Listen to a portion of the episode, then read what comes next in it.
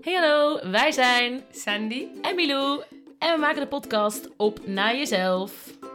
En we hebben het over thema's zoals jezelf zijn, Vrouwelijkheid, leven met de seizoenen, trauma, kwetsbaarheid, seksualiteit, shamanisme, holisme, zelfliefde, opvoeden grenzen stellen. en je eigen zielsmissie gaan leven. Nou, wij zitten lekker aan de thee. Luister je gezellig met ons mee. Hey, hallo. Wat fijn dat je weer luistert. Ik zit hier heerlijk samen met Milou buiten in de zon. hallo hallo. om deze aflevering voor jou op te nemen. En we hadden net een aflevering opgenomen. Misschien heb je hem al geluisterd. Ja. Op naar jezelf, nummer 20. En maar doorgaan, doorgaan, doorgaan. En wat we, wat we net nog even nabespraken, toen dacht ik: dit is echt een fantastisch onderwerp om ook met jou te delen, want jij herkent je hier vast in. Ik merkte dat ik in eerste instantie in de vorige aflevering geneigd was om het een beetje te bagatelliseren, er een beetje van weg te bewegen, het net iets minder erg te maken dan dat de situatie toch wel was. En dat is natuurlijk ook een manier die helpt om om te gaan met je pijn, om om te gaan met je trauma op het moment dat je het bagatelliseert. Dat betekent dus dat je het net iets minder erg maakt in je hoofd.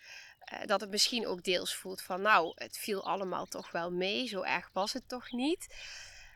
Ik merk ook vanuit mijn dissociatiestukken dat ik ook heel vaak eh, voel en geneigd ben dat het net lijkt alsof iemand anders het heeft meegemaakt. Omdat het een ander deel van mij is wat is.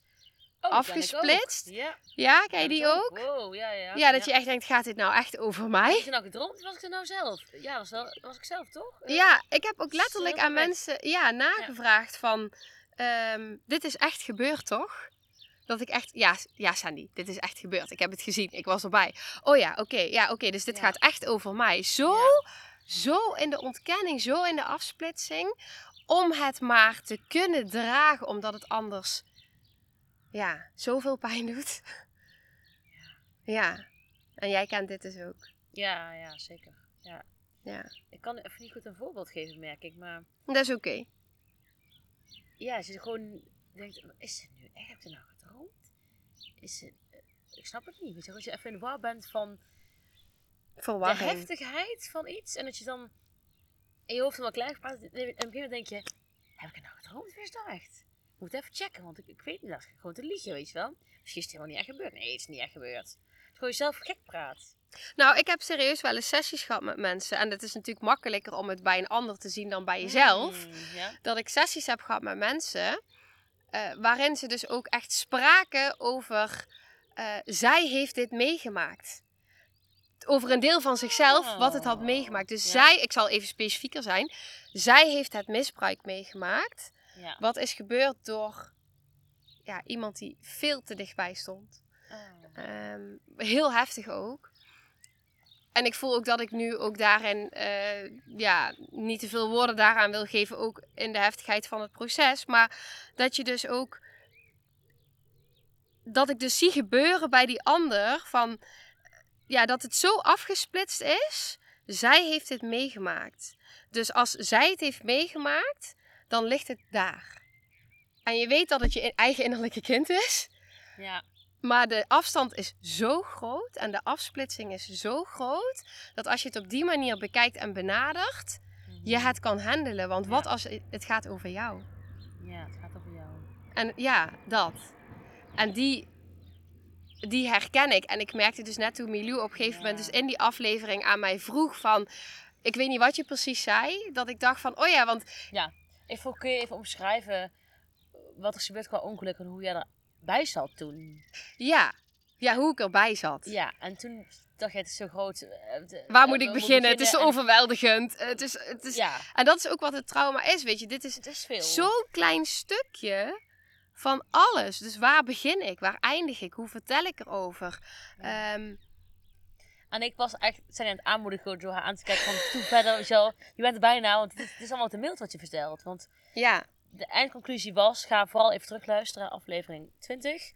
Ehm eindconclusie was eigenlijk gewoon, ze was gewoon af en toe een kastplantje. Niet altijd, maar ze was het af en toe wel. Vijf Ja. dagen donkere kamer om te ontprikkelen is niet wat iedereen meemaakt, hè? nee. En het, Het is heftig. Ja, ja. Ja, En, en, dat was het. ja, en het, het, het interessante is dan dus dat er dus ook een deel van mij is die denkt, ja, maar in vergelijking met valt het nog wel mee met waar je eerder doorheen bent gegaan. Dus, dus die delen van binnen gaan dan ook nog reageren op elkaar. De ene zegt, huh, valt wel mee. Eh, de ander zegt, je bent een aansteller. De ander zegt, ja, nee, dat was wel heftig. Ja. We- weet je wel? De ander heeft heel veel compassie. Ja, en, ik, en, en er zit natuurlijk ook, ja, ja, er zit veel op. En ik denk dat dat is, daarom vond ik het ook zo'n interessant. We hadden het daar net over met elkaar. Dit is wat, wat ik zo vaak ook in sessies zie gebeuren. En jij misschien ook. Dat mensen dus denken van ja, maar het viel toch allemaal wel mee. Ja, oké, maar als het nu gaat over iemand anders. Zou je dan ook voelen dat het, Wel meevalt. ja, Nee. nee. En soms is het gewoon te pijnlijk. Gaan we gewoon te veel bagatelliseren. Ja, eh, ik, ja, ik merk ook dat als je dingen opschrijft. Of dingen dus uitspreekt op een podcast. Mhm. Jeetje, wat voelt dat kwetsbaar. En wat voelt dat naakt. Ja. Ja, Is ook. Ja, ja. En het is dan heel fijn. Ik weet dat jij op een gegeven moment die aflevering opnam met Mirte op jouw eh, podcastkanaal. Mhm. Zo waardevol, want daar hoorde ik dus in. Wat ik ook heel erg herken en wat misschien meer mensen herkennen. Ja, dat je dus geneigd bent om dus dat, eh, ja, die, die grootsheid van de heftigheid dus te bagatelliseren. Ja, Ja. zodat je het kan dragen. Ja, zodat het minder heftig is. Ja. Terwijl je eigenlijk daarmee jezelf wel ontkent. En dat ben ik dus gaan beseffen. Dat op het moment dat ik dus zeg tegen, eh, dat ik het dus bagatelliseer. Dat ik dan dus eigenlijk tegen die delen in mij zeggen die dus in die pijn zitten, in die heftigheid. Mhm. Van ja, stel je niet aan. Maar zij hebben het wel ervaren. Ik heb het wel ervaren.